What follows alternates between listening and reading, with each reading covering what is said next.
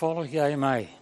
Het thema van dit jaar en Gods autoriteit aanvaarden. Het thema voor november. En vandaag wil ik het met jullie hebben over het toe-eigenen, het je toe-eigenen van Gods autoriteit. Vanuit het standpunt dat dat eigenlijk niet zou moeten. En de tekst die centraal staat is, uh, wat mij betreft, Matthäus 23, vers 8. Jullie moeten je niet rabbi laten noemen, want jullie hebben maar één meester en jullie zijn elkaars broeders en zusters. Een stukje wat Jezus, uh, of een, een, stukje uit Matthäus 23. En ik wil uh, twaalf versen met jullie lezen uit Matthäus 23. Vanaf vers 1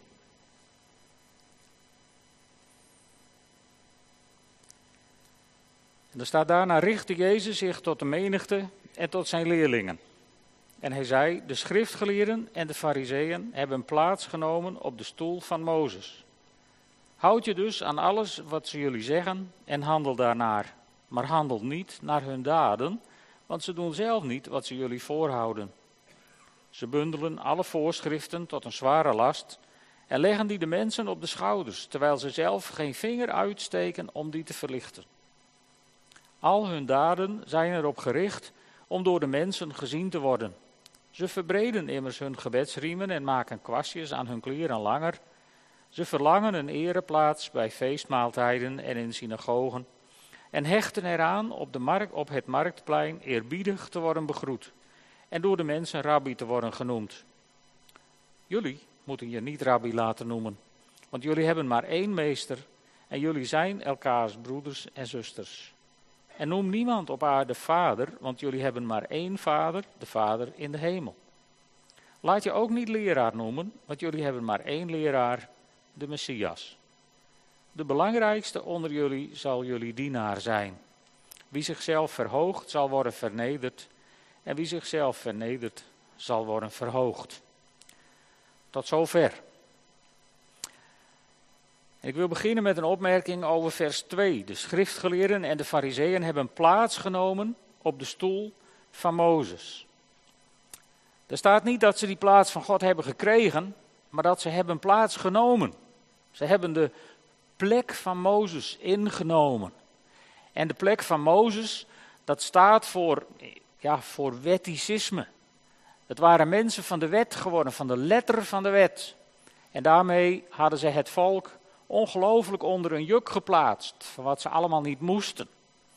En uh, wij kunnen daar tegenwoordig ook nog wel wat van. Ik was vrijdagavond bij Rutte Pier en daar sprak Martin Dol. En die legde dat heel mooi uit. Hij zei: Wij worden gered door genade. Daar dragen wij niets aan bij. Dat is het werk van Jezus Christus. En als Jezus terugkomt straks aan het eind van de tijd, dan worden we verheerlijkt door God de Vader. Daar kunnen wij zelf niets aan doen. Maar die weg daartussen, zei hij, dat noemen we de heiliging. Daar nemen wij een juk op onze schouders en vervolgens ploeteren we een heel leven om te strijden tegen zonde en, en om heiliger en beter te worden. Terwijl eigenlijk dat nou net het werk van de Heilige Geest zou moeten zijn waaraan je je moet overgeven. Maar de schriftgeleerden waren mensen van de wet. Ze hadden plaats genomen op de stoel van Mozes. Die plek hadden ze zichzelf toegeëigend. En vanaf die plek werd er geheerst in plaats van gediend.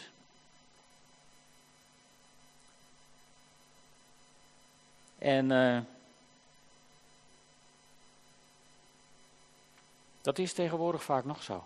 Hoe groter de denominatie, als ik met, met predikanten in contact ben, hoe groter de denominatie, hoe moeilijker het is als je samen wat wilt. Niet omdat het woord dat niet wil, maar omdat het kerkrecht dat niet wil. Of de denominatie, of ergens een hotemetoot bovenin, die zich vader laat noemen en die zich titels heeft aangemeten, waarvan Jezus hier juist zegt dat we dat niet moeten doen. En, en, en wat de fariseeën doen, dat lijkt ook wel een beetje op de strijd die sommige kerken hebben over de vraag wie nu eigenlijk de voortzetting van de ware kerk is. Ja, wij natuurlijk, maar goed, ik bedoel, waar is dan de ware kerk? De katholieken zeggen de ware kerk is waar de priester is. Ah, dat is een. Maxima zou wel zeggen dat is ook een mening. Of Willem-Alexander, wie heeft die slogan ooit geïntroduceerd? Maar waar is de ware kerk? De ware kerk is daar waar Jezus Christus is. En waar is Jezus Christus? Hij heeft zelf gezegd in Matthäus 18, vers 20: Waar twee of drie in mijn naam vergaderd zijn, daar is de ware kerk. Nou, en wij hebben met z'n drieën in ieder geval in de consistorie gebeden. Dus er zijn in ieder geval drie hier vandaag. En, en ik plaag jullie even, maar volgens mij zijn we hier allemaal gekomen in de naam van Jezus Christus. Hij is hier. Dus ook hier is de ware kerk. De ware kerk draait namelijk niet om organisaties of, of, of, of groepen of individuen. De ware kerk draait om Jezus Christus. En zo zijn we hier vandaag. Maar de Fariseeërs, die waren uit op eer. We hebben gelezen, al hun daden zijn erop gericht om door de mensen gezien te worden. En dan komen er wat dingen, ze verbreden hun gebedsriemen en maakten de kwastjes aan hun kleren langer. Ze verlangen een ereplaats bij feestmaaltijden en in synagogen. Ik ken de tijd nog, in het dorp waar ik ben opgegroeid, dat als je daar als kind liep, en de dominee liep ook door die straat, dan hoorde je de dominee te groeten. En anders werd je door de dominee aangehouden en bestraffend toegesproken. Dus dit heeft zich kennelijk lang voortgezet, deze gewoonte. En ze hechten eraan op het marktplein eerbiedig te worden begroet. Zie je, daar heb je. En ze hechten eraan om door de mensen rabbi genoemd te worden. Mensen vragen mij wel eens als ze op het evangelisch erf de titulatuur niet zo goed kennen: van ja, maar bent u dan dominee? Ja. In principe mag iedereen zich dominee noemen, maar ik zeg altijd: ik, ik hou niet zo van die titel, want ik wil niet domineren. Want ja, we zijn elkaars dienaar. Zo is het bedoeld. En wat koop je voor een titel? Maar de Farizeeërs in die tijd dachten dat ze daar wat mee konden. Ze waren gericht op uiterlijkheden. En uh, ja, jullie kunnen nu niet meelezen, jammer genoeg. Maar in Deuteronomium 6, daar wil ik jullie een paar versen uit voorlezen. Daar staat, begin met de geloofsbeleidenis van Israël. Hoor Israël, de Heer uw God is één, de Heer is onze God. En dan komt er, heb daarom de Heer uw God lief met hart en ziel en met inzet van al uw krachten. Houd de geboden die ik u vandaag opleg steeds in gedachten, prent ze uw kinderen in en spreek er steeds over thuis en onderweg als u naar bed gaat en als u opstaat. En dan komt het, draag ze als een teken om uw arm, als een band op uw voorhoofd. Schrijf ze op de deurposten van uw huis en op de poorten van de stad. Zo staat het er. Maar wat moet je daarmee? Wat betekent dat? De vraag is, begrijpen jullie? Weet je, het thema van, van vorige week, toen Jezus aan zijn discipelen vroeg, begrijpen jullie wel wat ik heb gedaan toen hij hen de voeten had gewassen? Nou, dit is ook een kwestie van, begrijpen we dit? Snappen we waar het hier over gaat? Gaat het er hier over dat je een doosje met een stukje bijbeltekst erin met grote riemen zichtbaar op je arm bindt? Of gaat het erom dat je je handelen laat beïnvloeden door Gods leiding? Gaat het erom, wat orthodoxe Joden doen. En, en van mij mogen ze, daar wil ik helemaal niet op afgeven, begrijp me goed. Maar gaat het erom dat je een doosje op je voorhoofd draagt met een stukje van de wet erin? Of gaat het erom dat je je denken laat beïnvloeden door de leiding van de Heilige Geest? Jullie kennen ook het gebruik wel van, van Joodse mensen om zo'n kokertje op, op het kozijn van de voordeur te hebben met een, een rolletje van de, stukje van de wet erin. Gaat het erom hoe groot die koker op je voordeur is? Of gaat het erom dat de gang van zaken in jouw huis beïnvloed mag worden door de leiding van de Heilige Geest? Volgens mij gaat het in al die gevallen primair om het laatste. En dan mogen al die uiterlijke kenmerken, die mogen erbij.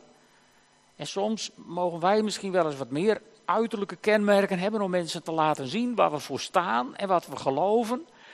Maar het risico van uiterlijke kenmerken is altijd dat ze de plaats innemen van dat waar het werkelijk om gaat. Dat wat God wil in een mensenleven. En de fariseeërs waren uit op een titel. Jezus zegt, je moet je niet rabbi laten noemen, want jullie hebben maar één meester. En jullie zijn elkaars broeders en zusters. Met andere woorden, hier propageert Jezus de gelijkheid van alle gelovigen. En hij zegt ook, noem niemand op aarde vader. Want jullie hebben maar één vader, de vader in de hemel. En laat je ook niet leraar noemen, want jullie hebben maar één leraar, de Messias. Je moet niet uit zijn op een titel, want daar gaat het helemaal niet om. Waar het om gaat, is dat God de eer toekomt. Als het volk Israël door de Rode Zee is geleid, zijn ze bevrijd door God uit Egypte. En dan, dan schrijft Mirjam een lied en daar dansen ze met z'n allen op. En er staat een prachtige regel in dat lied: De Heer is koning voor eeuwig en altijd. We kennen dat ook een beetje uit Matthäus 6, vers 13 als het slot van het Onze Vader. Van u is het koninkrijk en de kracht en de heerlijkheid tot in eeuwigheid. Amen. Volgens geleerden later toegevoegd. Dan denk ik, nou, dan hebben ze het mooi verbeterd. Want het is een prachtig slot. Want hem komt de eer toe. Het gaat om God. Het gaat om Jezus. Altijd en overal. Hij is onze koning. Maar ja, Israël heeft dit wel gezongen. En daarna zeulen ze 40 jaar met z'n allen door de woestijn. En dan komen ze in het beloofde land. En dan, dan willen ze toch een koning. Dat kun je vinden in 1 Samuel 8, als iemand mee wil lezen. In 1 Samuel 8 staat in vers 4: De oudsten van Israël kwamen bij elkaar en gingen naar Rama, naar Samuel. U bent oud geworden, zeiden ze. En uw zonen volgen uw voorbeeld niet na. Benoem liever een koning om ons te besturen zoals alle andere volken er een hebben. Samuel vond het ontoelaatbaar dat ze om een koning vroegen. Daarom richtte hij een gebed tot de Heer, maar die antwoordde: Geef gehoor aan de stem van het volk en alles wat ze je vragen. Jou verwerpen ze niet, ze verwerpen juist mij als hun koning. Zo is het altijd gegaan, vanaf de dag dat ik hen uit Egypte heb geleid tot nu toe. Ze hebben mij de rug toegekeerd en andere goden gediend, en zo vergaat het nu ook jou. Het volk Israël. Het volk Israël had geen koning. Het volk Israël had richters gehad, profeten, mannen gods en zelfs in Deborah een vrouw gods. Ze hadden, ze hadden profetische mensen gehad die namens God spraken. En ze hadden de priesters in de tabernakel die namens God spraken. En zo werden ze geleid door God. En Samuel was profeet geworden. En toen Samuel oud was, toen dacht hij kennelijk dat man God zijn een soort familiebedrijf was. Want hij liet zijn zonen kennelijk zich opvolgen.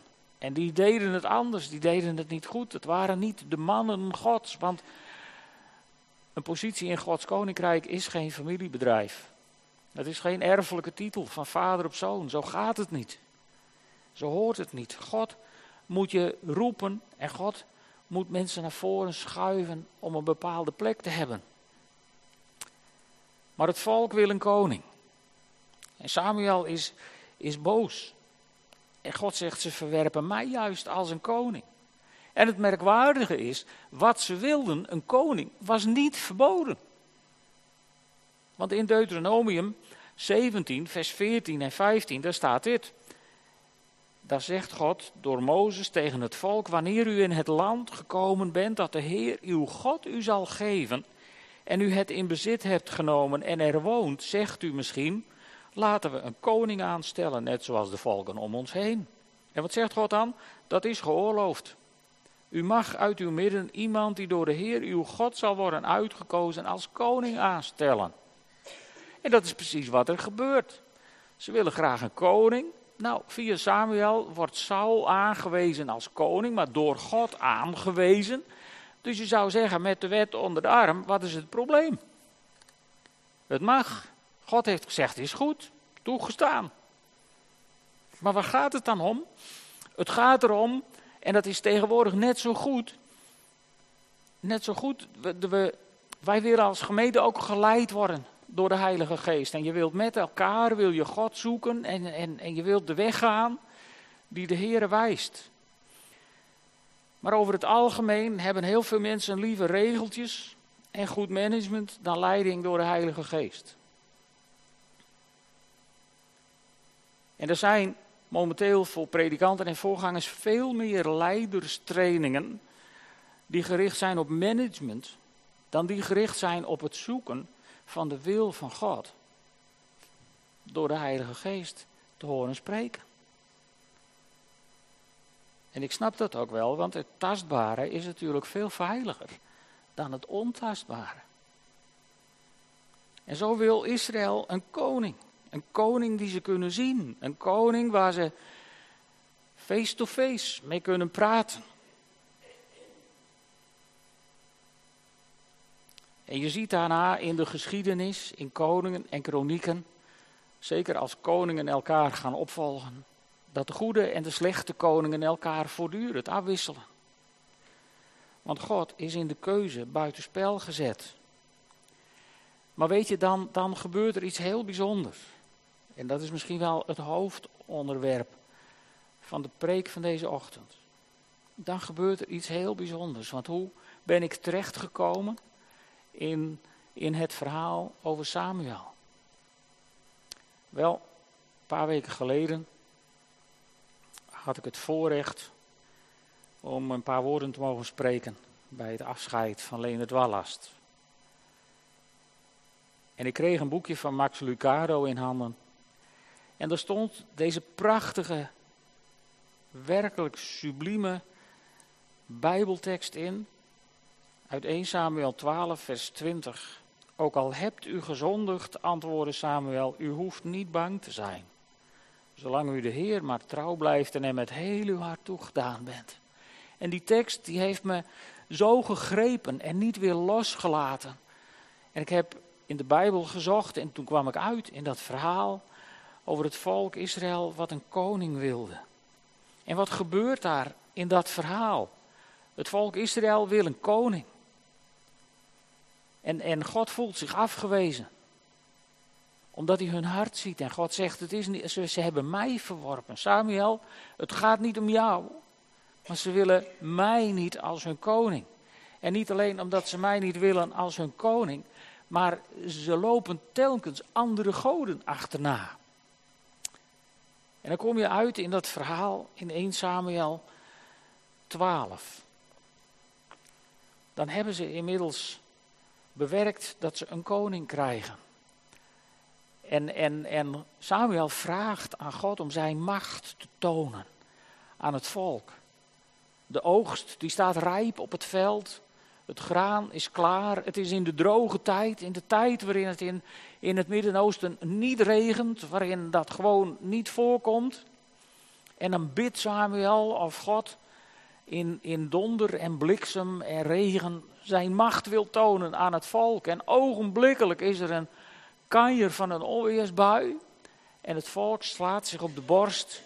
En ze schreeuwen het uit naar Samuel: bid voor ons, want wij hebben verschrikkelijk gezondigd. We hebben, we hebben, het, we hebben het echt verpest deze keer.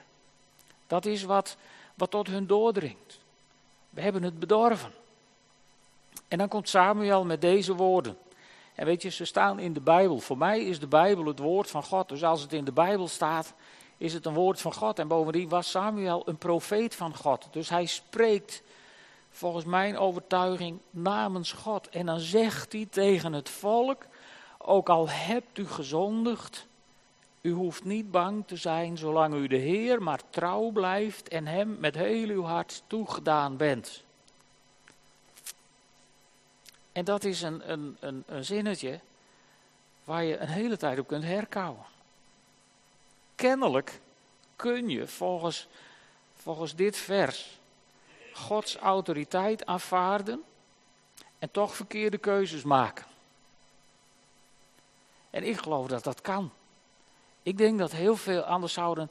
Wij christenen, wij, wij zijn door de band genomen. Niet zo heel veel beter. Misschien wel helemaal niet beter. Dan, dan de mensen die, die niet gelovig zijn. Dat denken we misschien soms wel eens. Maar dan moet je bij de meeste kerken maar eens in de keuken kijken. Dan zie je dat wij niet zoveel anders zijn. Kennelijk kun je dus Gods autoriteit aanvaarden en verkeerde keuzes maken. En dat geloven we misschien allemaal nog wel. Dat snappen we allemaal nog wel. Maar de volgende conclusie, die is voor veel mensen al moeilijker te verteren.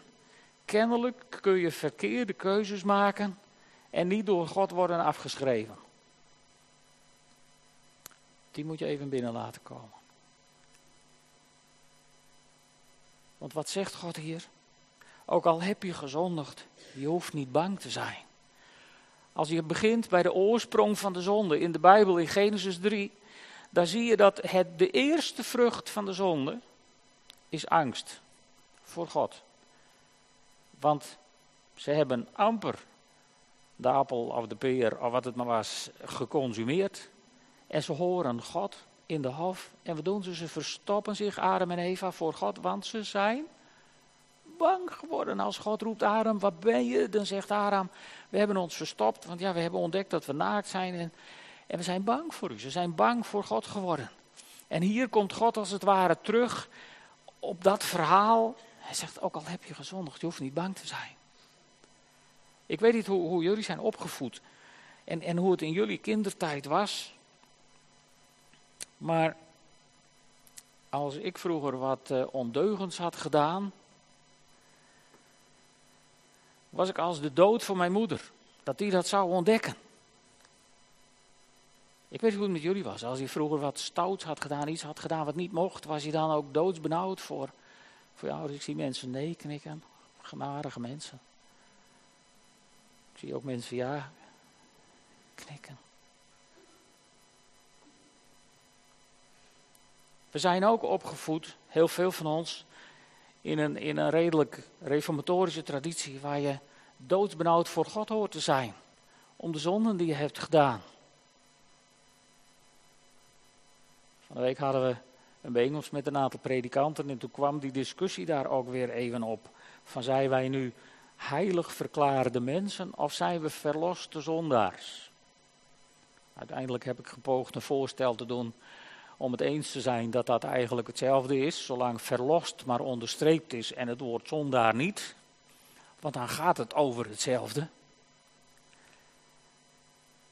Maar veel gelovigen zijn toch nog zo ge, ja, ge, niet gehecht, maar geobsedeerd door het idee van dat we, dat we zondaar zijn.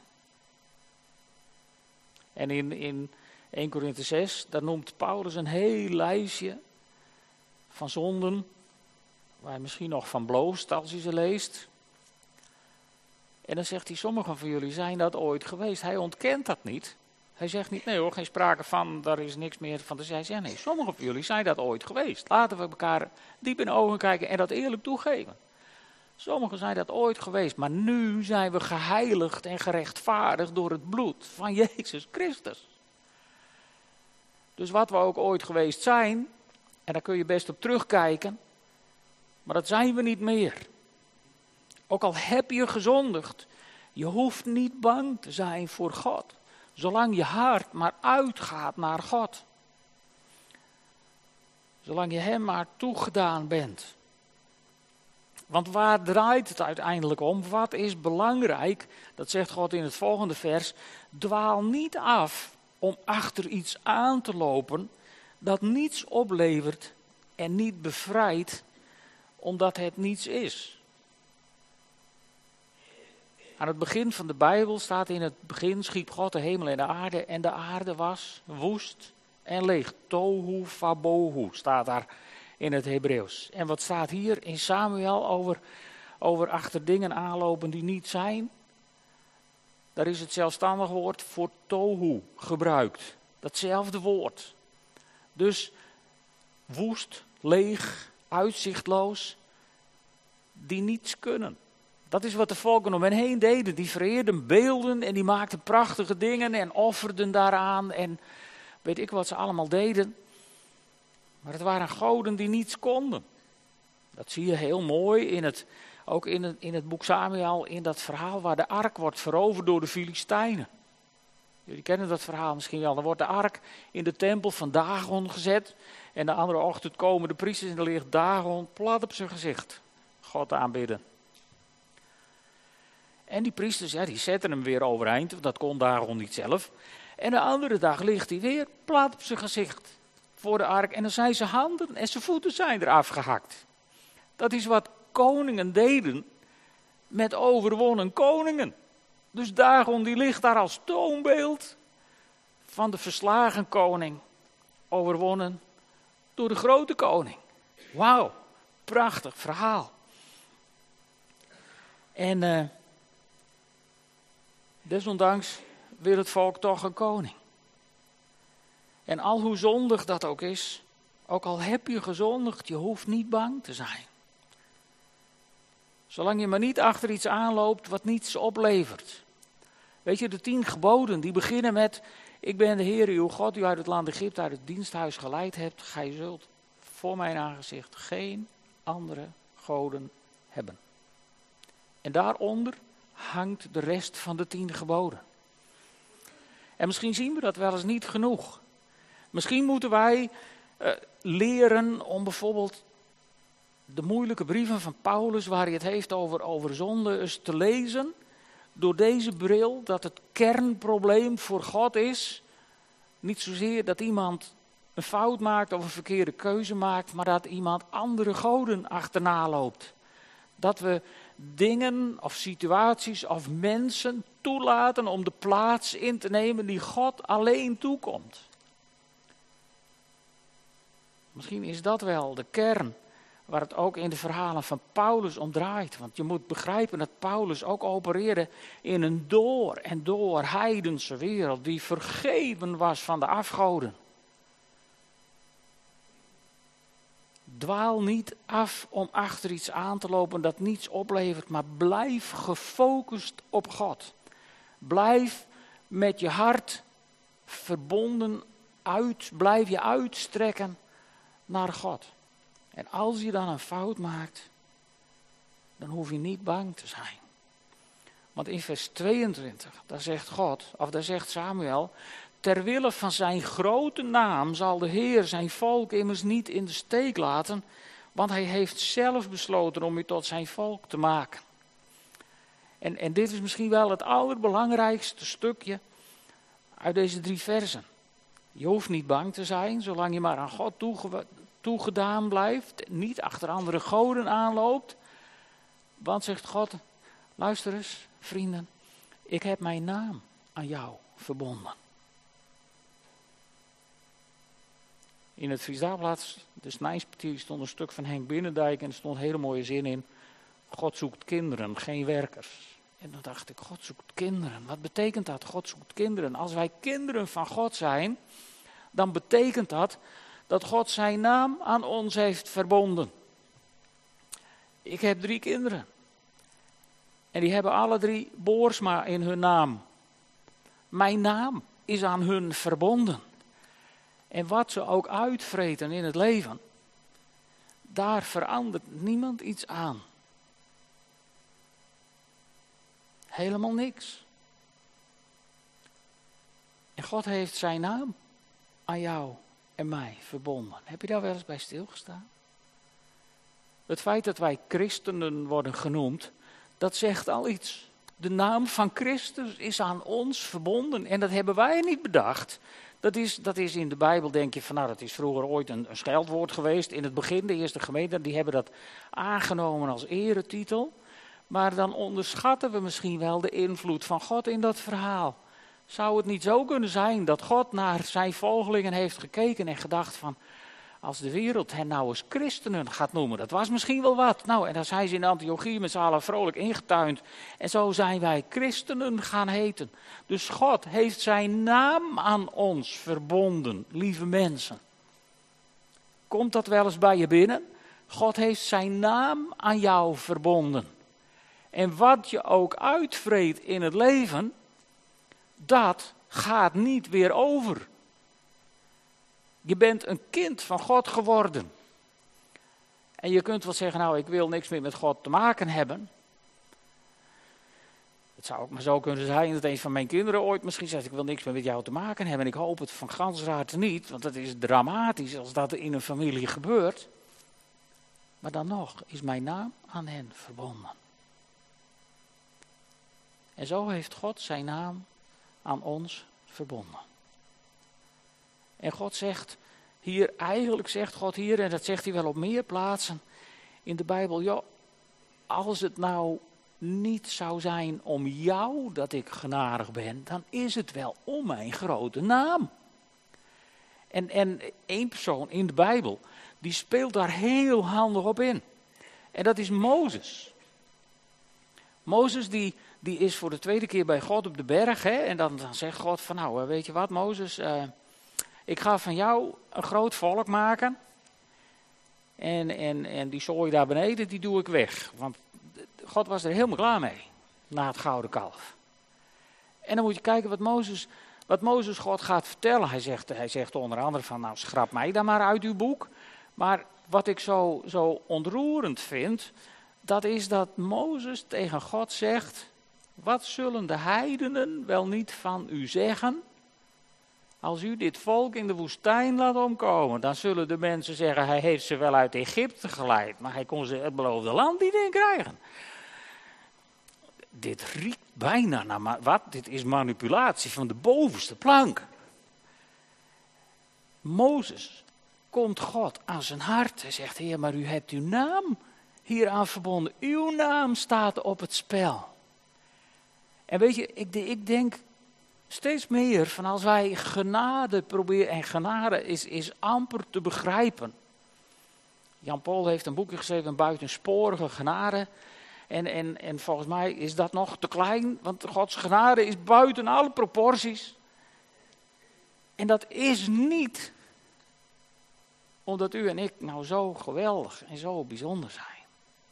Het is ten diepste, God heeft zijn naam daaraan verbonden. En hij zal niet toestaan dat zijn naam wordt belasterd en beladen, omdat hij kinderen verliest. God heeft zijn naam aan ons verbonden. Om het nog helderder te zeggen, God heeft zijn eer op het spel gezet om jou en mij genadig te zijn en heel dicht bij zijn hart te houden. Zodat zelfs als we gezondigd hebben, foute keuzes hebben gemaakt, we tegen God zullen kunnen zeggen, Heer, ja, in, het Engels zeg je het zo mooi, we messed it up. Hè? We, we, we hebben er een zootje van gemaakt, Heer. Maar dan mogen we opzien naar de Vader. En dan mogen we weten uit dit vers, al heb je gezondigd, je hoeft niet bang te zijn. En bij het afscheid van Leendert heb ik gezegd in het dagboek, het was uit het dagboek van Leendert, wat hij aan het lezen was. Dit was de laatste pagina waar hij aan is toegekomen in zijn leven. En dat heeft me zo ongelooflijk bezig gehouden de afgelopen weken. Ook al heb je gezondigd. Je hoeft niet bang te zijn. Zolang je de Heer maar trouw blijft en hem met heel je hart bent toegedaan. Dat betekent dus niet dat we zonder fouten zijn. Als Jezus zegt, ik zal de gemeente voor mij stellen zonder vlek of rimpel. Dan betekent dat niet dat de gemeente uit zichzelf zonder vlek of rimpel is.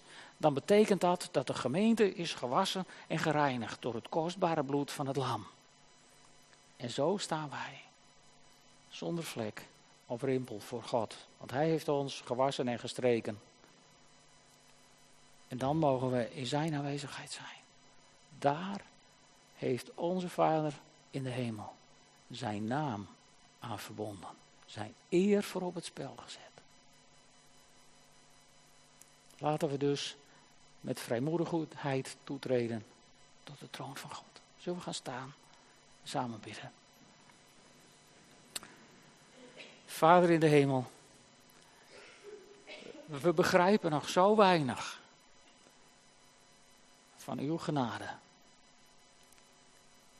Vader, we meten nog zo vaak met onze maatstaven. En Heer, zo vaak is nog